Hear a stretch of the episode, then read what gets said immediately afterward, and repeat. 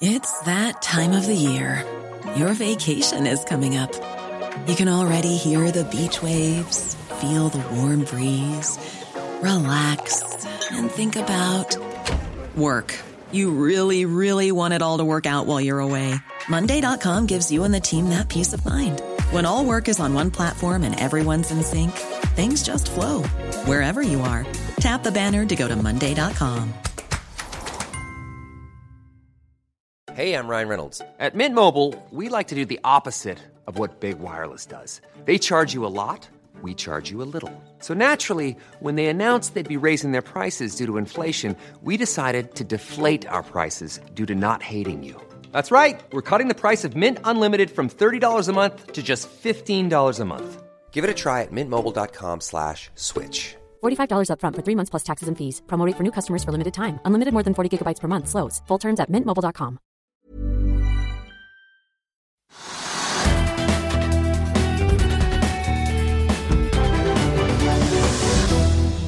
Klokken er eh, litt over ni. Velkommen til Økonominyhetene og en eh, valgspesial denne dagen der på tirsdag 14.9. Det ble en eh, klar rød-grønn seier, og Jonas Gahr Støre fikk nok oppslutning til sin plan A, nemlig en regjering bestående av Arbeiderpartiet, Senterpartiet og SV, som til sammen ser ut til å ha fått 89 av 169 mandater. Og med det har de altså bikket over flertallsgrensen på 85. Valgresultatet ser likevel ikke ut til å gi noen kjempestor grønn bølge, som mange kanskje hadde ventet. Og med meg i studio har jeg deg, Trygve Egnar, og Harald Magnus Andreassen, som kan komme inn her helt på tampen. Sjeføkonom i Sparebanken 1 Markets. Ta på deg mikrofonen og takk, takk. stig på. Du, Trygve, skal vi begynne med valgresultatet? Hva syns du? Altså, dette valget ble jo omtrent akkurat som man kunne forutse. Eh, altså, så nærmere, nærmere det man kunne komme med en prognose, så var det det, det nærmeste man kunne få. Ja. Og Derfor vil jeg anta at Oslo Børs har oppnådd helt flatt, og ikke noen betydning i det hele tatt. Det er liksom ingen bølger etter valget. Og vi har fått Arbeiderpartiet som et klart ledende parti, vi har fått Senterpartiet som et eh, parti nummer to. Eh, og så SV kom da dårligere ut enn de trodde etter meningsmålingene, slik at de liksom blitt litt skuffet. Så de sier de skal mase noe jævlig og finne på mye, stå på krava og liksom bli en drivende kraft. Det blir vanskelig altså med et sterkt uh, Arbeiderparti og et sterkt Senterparti. Det blir ikke så lett. Så ja, valget ble omtrent som ventet. og så Det kanskje det som jeg gledet meg mest, det tør jeg nesten ikke si, for det er jo litt stygt å si det, men jeg gledet meg greit at uh, Miljøpartiet De Grønne kom under sperregrensen. Ja, for Det var jo jubel i starten da det så ut som de skulle få litt ja, over fire, og så falt jo oppslutningen etter hvert som stemmen ja. ble tatt opp i går. Ja, men altså, Poenget er jo det at alle vil jo ha en grønn politikk og ha det bedre og alt mulig, men jeg syns at uh, Miljøpartiet De Grønne, med da Lan Marie Berg, har vært veldig aggressivt, litt sånn småfrekt og forlangt mye. og hun hadde en veldig sentral posisjon som da byråd i Oslo og kunne gjøre hva han ville med biler og parkering og med bompenger. Og, altså, liksom, hun hadde kjempefullmakter og utnyttet dem. Godt gjort. Og så ble de liksom litt for ivrige, og så tror jeg folk fant ut at det der er litt for aggressivt for oss. Det ble litt for krevende, og de kom også da med, med dette oljeultimatumet. ikke sant? At liksom, det blir ikke noe regjering med oss hvis man ikke stopper oljeleting og stopper oljeproduksjon. Uh, slik at Miljøpartiet De Grønne ble, tror jeg, oppfattet som liksom litt arrogante og frekke. Og Det sa velgerne nei til, og så kom de av sperregrensen, og da har de fått tre mandater istedenfor ti eller åtte, eller hva det måtte være. Kjapp, det var interessant, syns jeg. da. Ja, Vi kan bare ta en kjapp overgang for de som ikke har uh, fått uh, tallene helt uh, med seg. Vi kan se på skjermen her at Rødt jo er, har veldig stor fremgang. De er opp fra 2,4 til 4,7% sammenlignet med forrige valg. Vi ser at SV også gjør et topp på halvannet prosentpoeng til 7,5. Arbeiderpartiet faller tilbake et prosentpoeng til 26 26,4. Senterpartiet har jo mest fremgang av alle partiene med en oppgang på 3,3 til 13,6. MDG altså under sperregrensen eh, opp 0,6 til 3,8. KrF de bikket under fra 4,2 til 3,8% Venstre opp 0,1 til 4,5 Ser vi på Høyre, så endte de ned fra 25, men fortsatt over grensen som Erna, eller målet Erna satte på 20, endte på 20,4. Frp ned fra 15,2 til 11,7. Hva tenker du om oppslutningen til de borgerlige da, Trygve? Altså Det er, for å si litt, eh, litt tabloid, totalkrasj. Ja. Det er krasj fordi at, eh, klart at Høyre, altså selv om de kom over 20, det er liksom fem poeng under valget sist, i 2017, det er katastrofe. Og det er katastrofe også for Fremskrittspartiet. Og det er katastrofe for Kristelig Folkeparti, som er det altså dårligste valget siden krigen. Eh, og eh, Venstre kan du si at ja, de kom over sperregrensen, og det er- det er ålreit, men, altså, men, men det, er ikke, altså, det er ikke katastrofe. Det kunne vært mye verre, men det er dårlig. Så hele den borgerlige føren er, er en kjempekrasj. Og så bør det da tilføyes, hvis man først sier det, og det, det er det at Arbeiderpartiet hadde da, fikk jo noe færre velgere enn de gjorde i 2017. Færre velgere. Så Arbeiderpartiet liksom, ok, de klarte å hoppe opp fra 23-24 til 25-26, men det er færre velgere enn en i 2017, og det er kanskje det nest dårligste valget siden altså, hva vet jeg, århundreskiftet eller noe sånt. Altså, det, det, det Veldig dårlig valg. Eh, Men man, de får all makt uansett. Eh, så ja. Ja. Bare Før vi går til deg, Al Magnus. Altså, hvis man ser på mandatene, så fikk jo altså da de tre rød-grønne kameratene 89 mandater, godt over 85.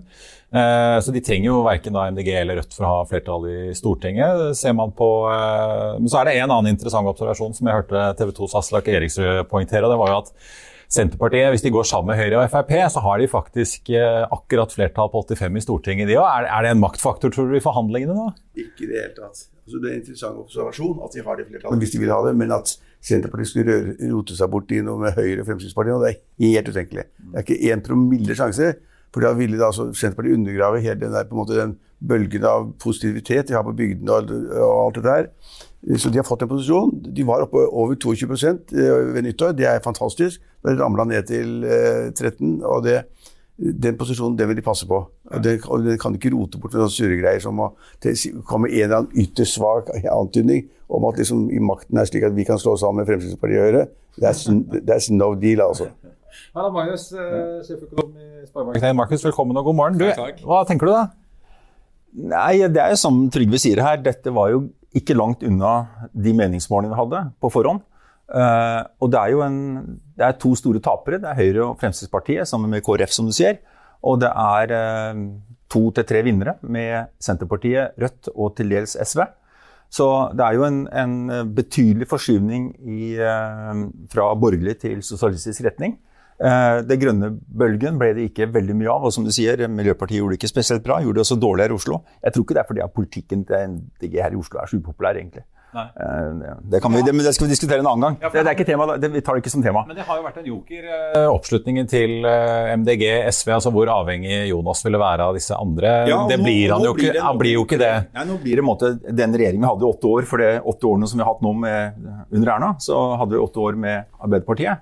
Eh, Med en, en rød-grønn regjering, og nå er det det samme gjengen. Men det betyr ikke at politikken blir det samme, nødvendigvis. fordi at eh, kanskje særlig Senterpartiet har endret seg en del. Eh, SV er kanskje noe mer aggressivt på fordelingsspørsmål. Så politikken kommer nok til å bli kanskje mer påvirket av dette regjeringsskiftet enn ved det foregående skiftet. Men Hvis vi begynner med næringslivet, da. sånn som... Ja. det, altså, det, det er helt vanskelig å si akkurat nå. Det kommer forskeren til å komme tilbake til. altså Hva gjorde det at så få stemte Miljø- Miljøpartiet De Grønne? Men jeg tror, at, jeg tror virkelig alvorlig at folk, sånn alminnelige velgere som- fulgte debattene, da de hørte det, dette partiet som var såpass lite, stilte ultimatum. Liksom. det- det, altså, det tror jeg ikke folk liker. Ja, Altså. det, det kan være helt enig. Selv om kanskje mange av de som var eh, i liker det til partiet. Men, ikke, men de får ikke nye velgere på den måten, sannsynligvis. Det kan være en lærepenge. Nei. Ja, men altså, hvis vi tar næringslivet først, da, for eksempel, så vil jo SV ha letestans. MDG vil jo ha slutt på oljen med en gang, omtrent. Eh, men det vil jo verken Senterpartiet eller Arbeiderpartiet. Nå fikk vi jo ikke den der grønne bølgen. Da blir det litt mer stabilt enn det noen kanskje fryktet. Det ville det nesten ha blitt uansett. tror Jeg Jeg tror ikke Arbeiderpartiet ville ha gått med på en måte, litt sånn demonstrasjonspolitikk i forhold, i forhold til oljenæringen. Eh, De gikk jo umiddelbart, eller iallfall til noen få dager i tenkeboksen, så sa de jo at det skatteforslaget som eh, Høyre, eller regjeringen, la frem, Sanner la frem, var et bra forslag og noe godt å bygge videre på. Eh, De har ikke vært eh, villige til å tids, tidfeste avslutning på sokkelen og alle kan si, litt sånn firkanta forslag. Eh, Så, så jeg tror på oljesiden så er det nok minst endringer. Og deler av Senterpartiet er veldig, vært veldig pro olje, omtrent som Frp. omtrent. Ja, De har jo nestleder som, ja, er som har eh, har startet oljeselskap. Ja. Ja. Så, så jeg tror på, det er på olje er det Ikke bare han har vært olje, olje og Oljeminister også, Ja. Så jeg tror på, Altså, på, på energisiden så er det det som kommer til å bestemme utviklingen der, det er mye mer hvordan eh, de globale energimarkedene går, global klimapolitikk, og hvordan investorene vurderer investeringene i fossil. Og, og det har vært en, ikke vært noen hyggelig historie for, for oljeselskapene. Fordi at eh, I forhold til oljeprisen så er jo aksjekursene på svært lavt nivå. Det betyr jo veldig enkelt at investorene globalt, og kanskje mer i Norge, har skjønt at dette var ikke så lenge. Og det har lite med politikk i Norge å gjøre. Dette har noe med globale krefter eh, og, og, og, endringer i, eh, i, i hvert fall vurderingen til investorene av utsiktene for fossilt drivstoff. En trend som vi jo har sett egentlig alle disse rød-grønne partiene snakke om, er at de vil ha liksom en mer aktiv klimapolitikk, næringslivspolitikk og industripolitikk. Så eh, Trygve, du skrev jo i dagens avis om eh, Sverre Myrli i Arbeiderpartiet som vi vil gi mer støtte til SAS og advarte mot det. Men hva, hva, tror du egentlig vi kan forvente? Kan det bli mer statlig eierskap? Trygve Slagsvold Vedum har jo vært ute og sagt han vil kjøpe seg opp i Hydro. Ja, altså Både Arbeiderpartiet og Senterpartiet har jo sagt helt klart at de, og, altså, klart at de vil øke det, øke det statlige eierskapet i mange forskjellige typer selskaper. Vi da F.eks., som jeg skrev om i dag, at de da vil kjøpe seg inn i SAS igjen. Det er jo helt tullete. altså I flere tiår kranglet man på Stortinget om man skulle sette seg ut av SAS, og så da SAS, SAS trenger mer penger. Da, de taper sikkert milliarder i år også. Og da trenger de penger, og så kommer da noen før valget, et mm. par dager før, og sa da at eh, Myrli, som han het, sa da at liksom, de må vurdere da å gå inn som eier i SAS igjen. Altså Det er et ganske søkt tilfelle. altså for at Hvis det skulle bli slik at SAS virkelig trenger mye penger, så ender det ikke opp i Stortinget med at staten skriver en sjekk på 5 milliarder eller 2 milliarder kroner. Det tror jeg ikke noe på. Men de har sagt generelt at de vil øke det statlige engasjementet. Gå og kjøpe seg opp i Hydro, seg opp i andre selskaper, kjøpe seg opp i spesielle næringer. og Det er litt skummelt, for det vil både Arbeiderpartiet, det vil også Senterpartiet, og det vil SV.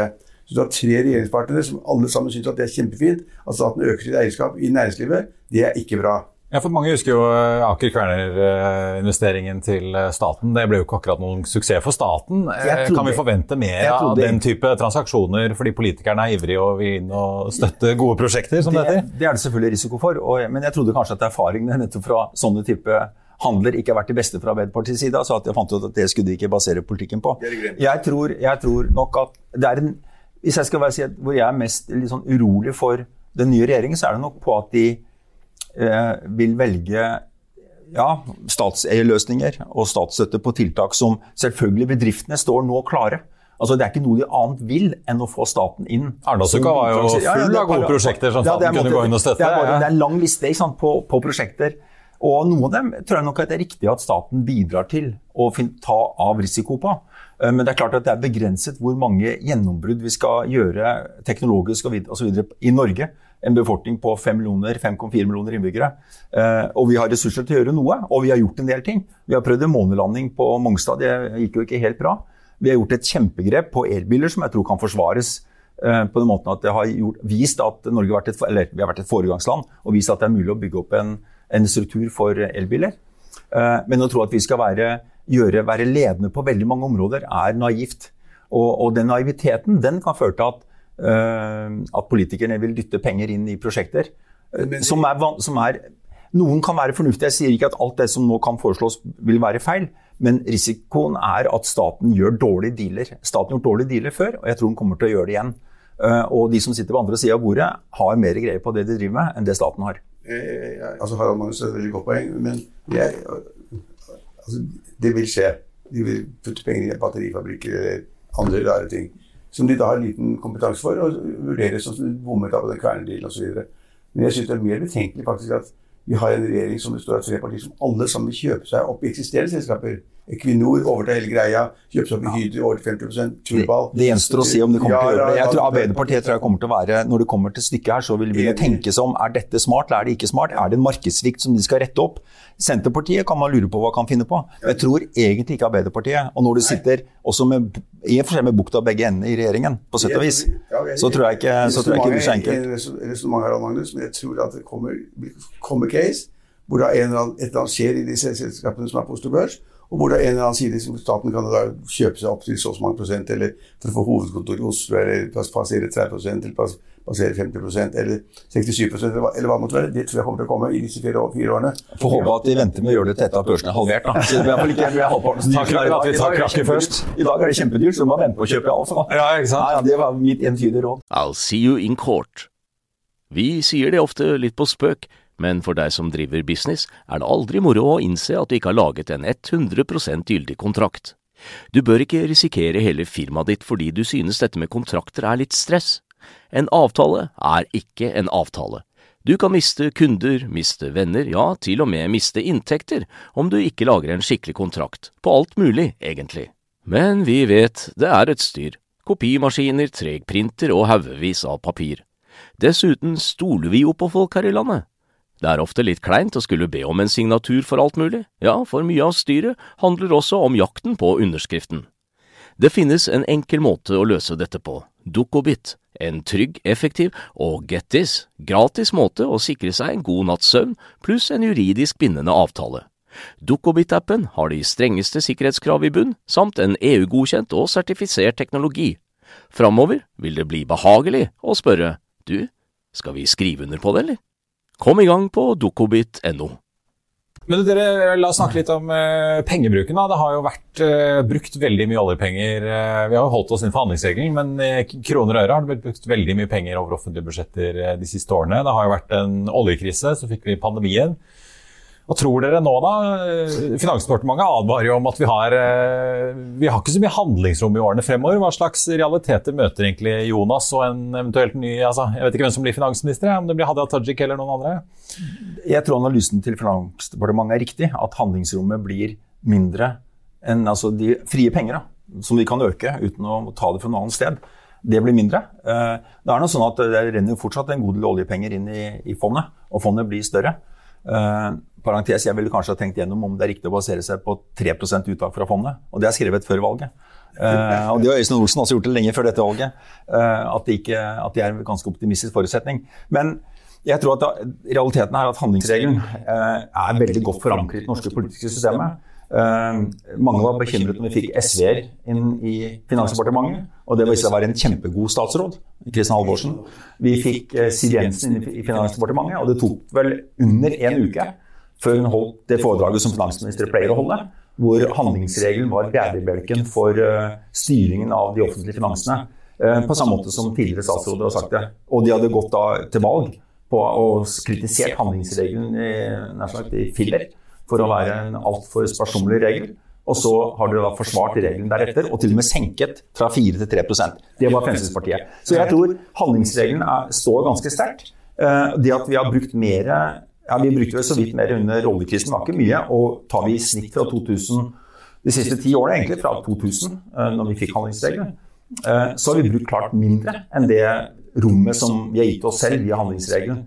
Og selvfølgelig så sprakk det under pandemien, men vår, vår budsjettsprekk er jo ikke større enn budsjettsprekken alle andre steder. Og det var riktig av staten, sannsynligvis, å overføre store store eh, pengesummer til privat sektor for å holde bedrifter og husholdninger så å si gang gjennom sektoren. Jeg kan diskutere, jeg kan, jeg kan diskutere om noen bedrifter har fått mer. Men det jeg skal si da, det er at nå, nå vil jo mange av de ordningene avvikles uansett.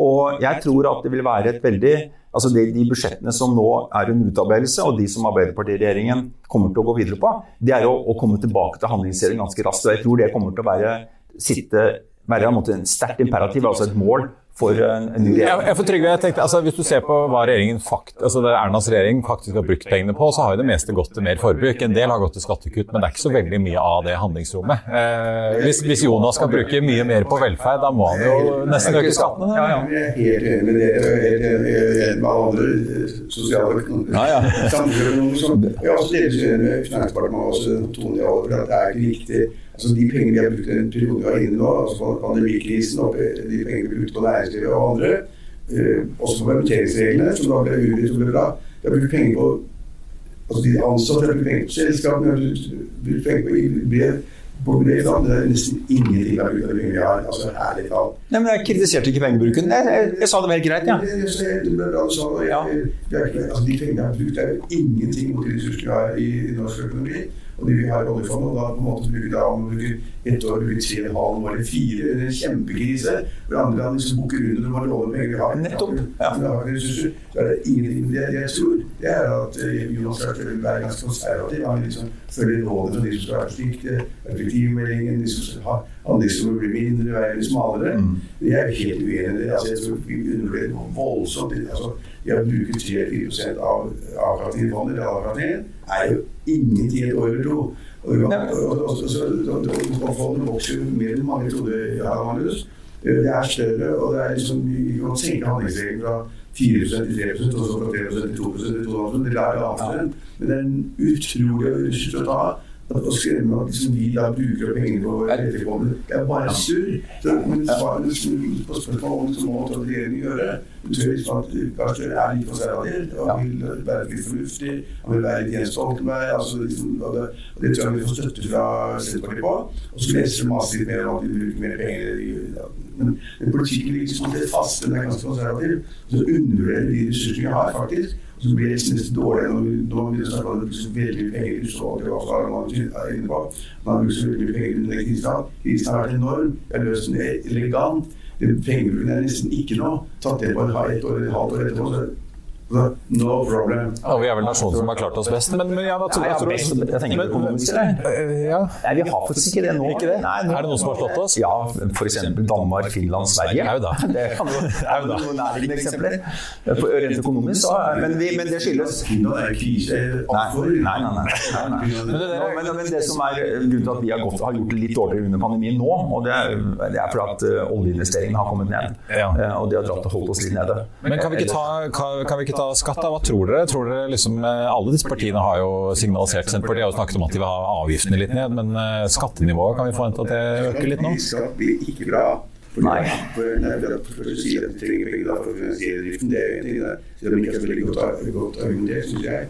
Men masse mer skatt blir helt sikkert SV vil ha det. Det kommer masse, masse, det blir, sånn, det blir en sånn eh, profilsak for, for SV. Det, fordi det blir mer imøtekommet. Senterpartiet har sagt at ja, ikke så veldig mye, men i hvert fall skatt de rike, altså de de skal skatte. Trygve, jeg tror du må ta mikrofonen din opp, han ramla ned et sted? De har veivet bak her. Ja, ok, så, men altså, Ja. så på skatt blir, skatt blir ikke bra. Uh, for at SV kommer til å kjøre hardt på det. Hvis SV sitter i regjering, så skal de på en måte ha noen gevinster, de også. Og det får de. Senterpartiet er sånn midt imellom, men de vil iallfall ikke ha mer skatt for bøndene. Nei, det, det vet vi jo. Og selvstendig næringsdrivende, da vil du, ha, du vil være veldig forsiktig. Mens Arbeiderpartiet vil på en måte følge opp den, den kritikken eller de utspillene som har kommet fra både SV og Rødt altså i, under valgkampen. At man skal beskatte de rike, man skal beskatte formuen høyere. Og det, så de vil gjøre det på et ganske bredt spekter av områder innenfor skatt, så det blir verre. Eh, og det kommer til å vare i fire år. Eh, og, og, og, for næringslivet, som vi liksom da på en måte tenker litt mer på, så vil det bli slik at formuesskatten er ikke bare at man øker satsen fra 0,85 til 1,1, men de tar bort rabatten, ikke sant? så kanskje formuesskatten dobles. Uten at plutselig så er, I løpet av ett eller to så er den doblet. ikke sant? Og det er, det er jo mange som vil ha, ha vondt for det. Så er det de øvrige betingelsene i næringslivet. Vil de være gode nok til å kompensere for det osv. Det er eiendomsskatt. og det er, det, altså Vi har et bredt spekter av skattesatser. Og så vil de liksom da på Inntektsskatten vil da ha helt marginale endringer. altså Bære seg om da de som er under 600 000, under 700 000 skal få økt 700 kroner mindre eller mer i skatt. Det er ingen som bryr seg om det i det hele tatt. Så men det vil bli endringer, og næringslivet bør passe på. De bør passe på, og vil bli reguleringer på utbyttebetalinger, størrelsen på det, når de kan gjøre det. Det er mange ting som er veldig negativt. Veldig negativt på skattefronten. Jeg får Harald Magnus, øh, mens Trygve setter på seg mikrofonen her igjen. øh, Hvor er det du tror de kan hente eventuelt inn mer skattekroner? Da? Altså, dere økonomer er ofte inne på å foreslå boligskatt, men det er det vel ingen som tør? Er det, Arbeiderpartiet har jo tidligere liksom gått inn for 1% høyere selskapsskatt enn det Høyre har gått for, men det er jo, du får ikke hente inn så mye der. Nei, SV har eh, vel er for boligskatt. Og jeg tror kanskje mange Arbeiderpartiet skjønner det, og det er mange Høyre som skjønner det også, men de vil ikke si det. Ja, men det er ingen som tør å faktisk innføre det. De har jo tatt det litt via formuesskatten, men Ja, de har gjort det sammen, men de, vi, vi, når, vi ikke, når vi ikke kan gjeninnføre fordelsbeskatning i en bolig, som vi definitivt burde ha hatt, gitt at vi har rentefradrag Vi har jo rentefradrag, men nå, ja, ja, ja. Dette er meningsløst. Men ikke burde, men hva tror du, hva tror du de Vi kan kompensere kanskje noe via, via mindre rabatter i, i formuesskatten på bolig, kanskje. Eh, nei, altså det er, det, men det er ikke vanskelig hvis man må skaffe seg store penger. Hvis Norge ikke har hatt, olje, et oljefond som vi finansierer mye budsjettene, så ville jo skattenivået i Norge vært vesentlig høyere eh, på alle områder. Så det er ikke noen umulighet her å øke skattene. Det er ikke noe. Nei, 12 000, ikke 12 000 milliarder kroner. altså- 3% av det blir Ja. det. 300-400 Ja, milliarder men det er kroner. det, er det også, men det er jo det vi bruker også. Ja, men skal vi, så- hvorfor, skal- vi ikke bruke det? Nei, nei, men jeg, har ikke sagt at vi ikke skal bruke det. Nei. Det vokser ikke som jeg er fra. Hvis ikke oljefondet vokser, og vi kan godt se for oss med hvor oljefondet en dag er 20% mindre verdt enn det er i dag. Og da er vi sånn på in the ballpark. Uh, med litt under. Og så er det litt sånn at vi, vi ligger nok litt høyt på de med å bruke 3% over tid. I dag så er ikke realavkastning i nærheten av 3 på Men, på, men påvirker dette Men, men jeg sier at det er, det er mange ting man kan vri på skattesystemet. Mange av de vil ikke jeg like, mange av de vil ikke noen av dere som ser på like. Eh, Jeg tror konsekvensene for økonomien ikke nødvendigvis er så store som, det, som de som rammes av skatteøkningene vil ha til å tro. Altså Det rammer deres lommebok, men det er ikke sånn at det rammer økonomien nevneverdig. Og det ser vi at det er store forskjeller i skattenivået i ulike land, uten at de kan finne påviselige trekk hvordan det påvirker økonomien. Hadde du f.eks. prøvd å finne igjen i Norge, da, jeg har sjekket tallene selvfølgelig, prøv å finne igjen spor av hvilken regjeringsfarge du har på BNP-vekst, på sysselsetting, arbeidsledighet, inflasjon, renter, eh, aksjemarkedet. Du finner ingenting.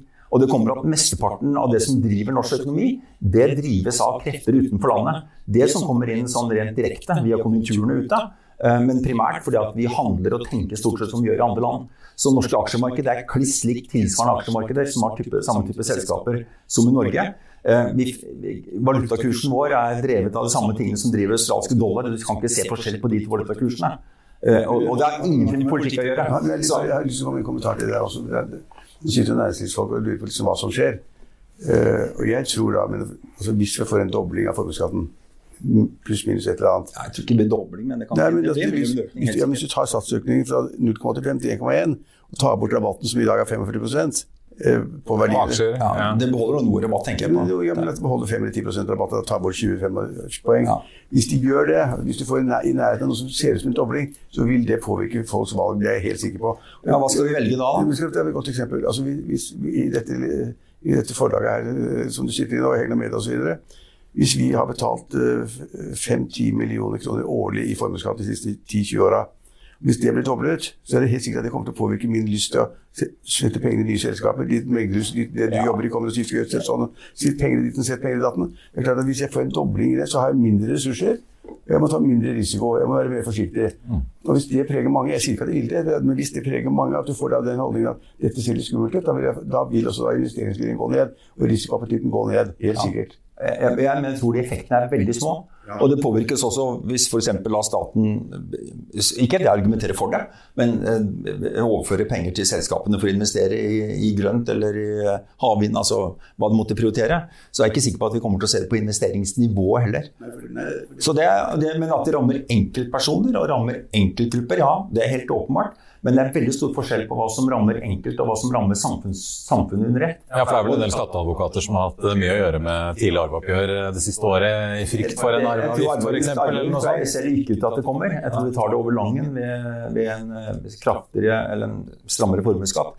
Men realiteten er sånn at dette har jo på ulike vis så skjer dette. Arveavgiften er jo helt klart, den kommer ikke fra Arbeiderpartiet. Vi garanterer at den ikke kommer. Ja, ja, ja. Hvis de bryter det løftet, så er det det gjør ikke. Det er så vanskelig. Er Senterpartiet har sagt vi vil ikke ha den. Nei, ikke på bønder iallfall. Det har sagt for alle, men de mener kanskje på bønder, da, ikke sant? Eh, Så, så den kommer ikke. Selv om SV vil mase livet av seg for å få den, og Rødt vil mase livet av seg for å få den, og de har åtte på Stortinget Rødt, ikke sant? så vil de mase masse, mase. De får den ikke.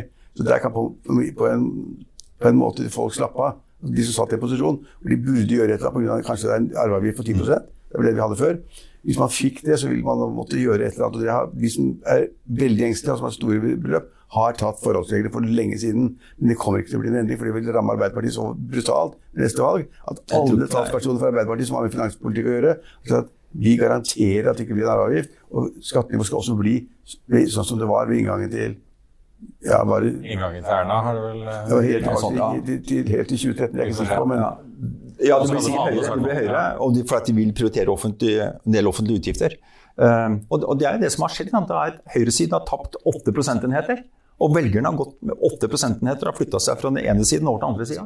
Og det kommer til å ha konsekvenser for, for politikken. Men det er mitt håp er at det ikke blir sånn at, er, at vi får en økonomi hvor rammebetingelsene deres er veldig uklare, eller hvor de, hvor de inspirerer til dårlig bruk av penger.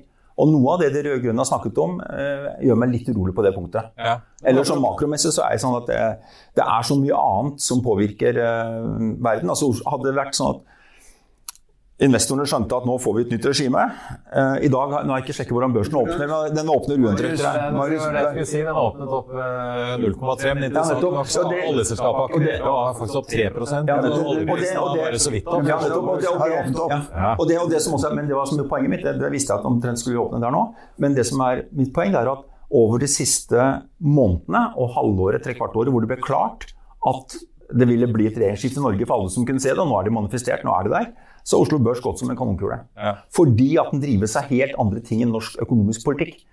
Som, som alltid før. Men det at også- både ser Marius- Equinor, Aker BP og Lundin eh, altså Alle tre oljeselskapene stiger mer enn både oljeprisen og hovedindeksen. De er håper- sånn lettelsens sukk. og- de håper på Ola Borten Moe Ola Borten Moe tilbake som energiminister, da. Ja, kanskje det er det Kanskje det er det, jeg vet ikke.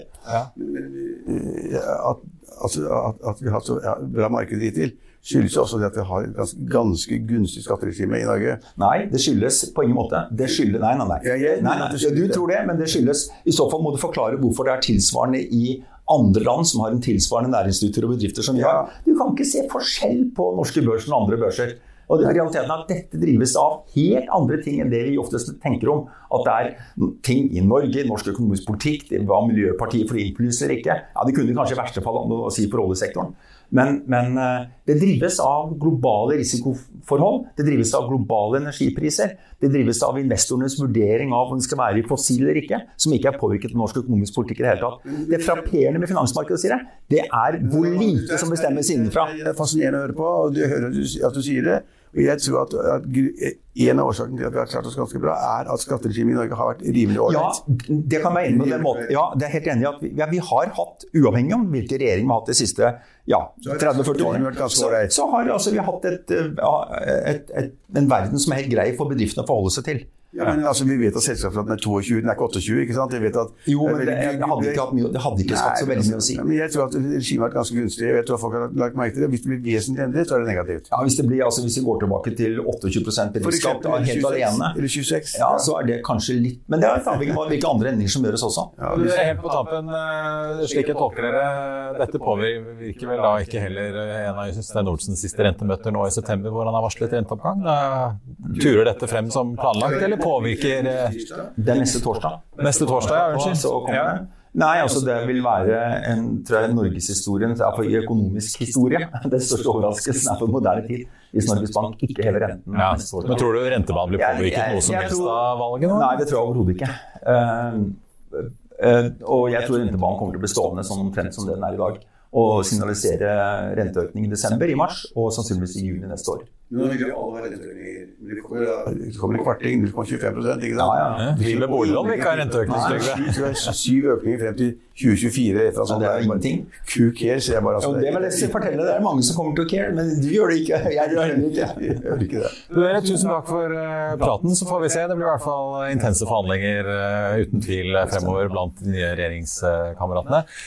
Det var det vi hadde for nå, men vi er tilbake klokken 15.30 med investor Morten Astrup. I mellomtiden får du siste nytt på finansavisen.no. Takk for følget, og så håper jeg vi ses igjen snart.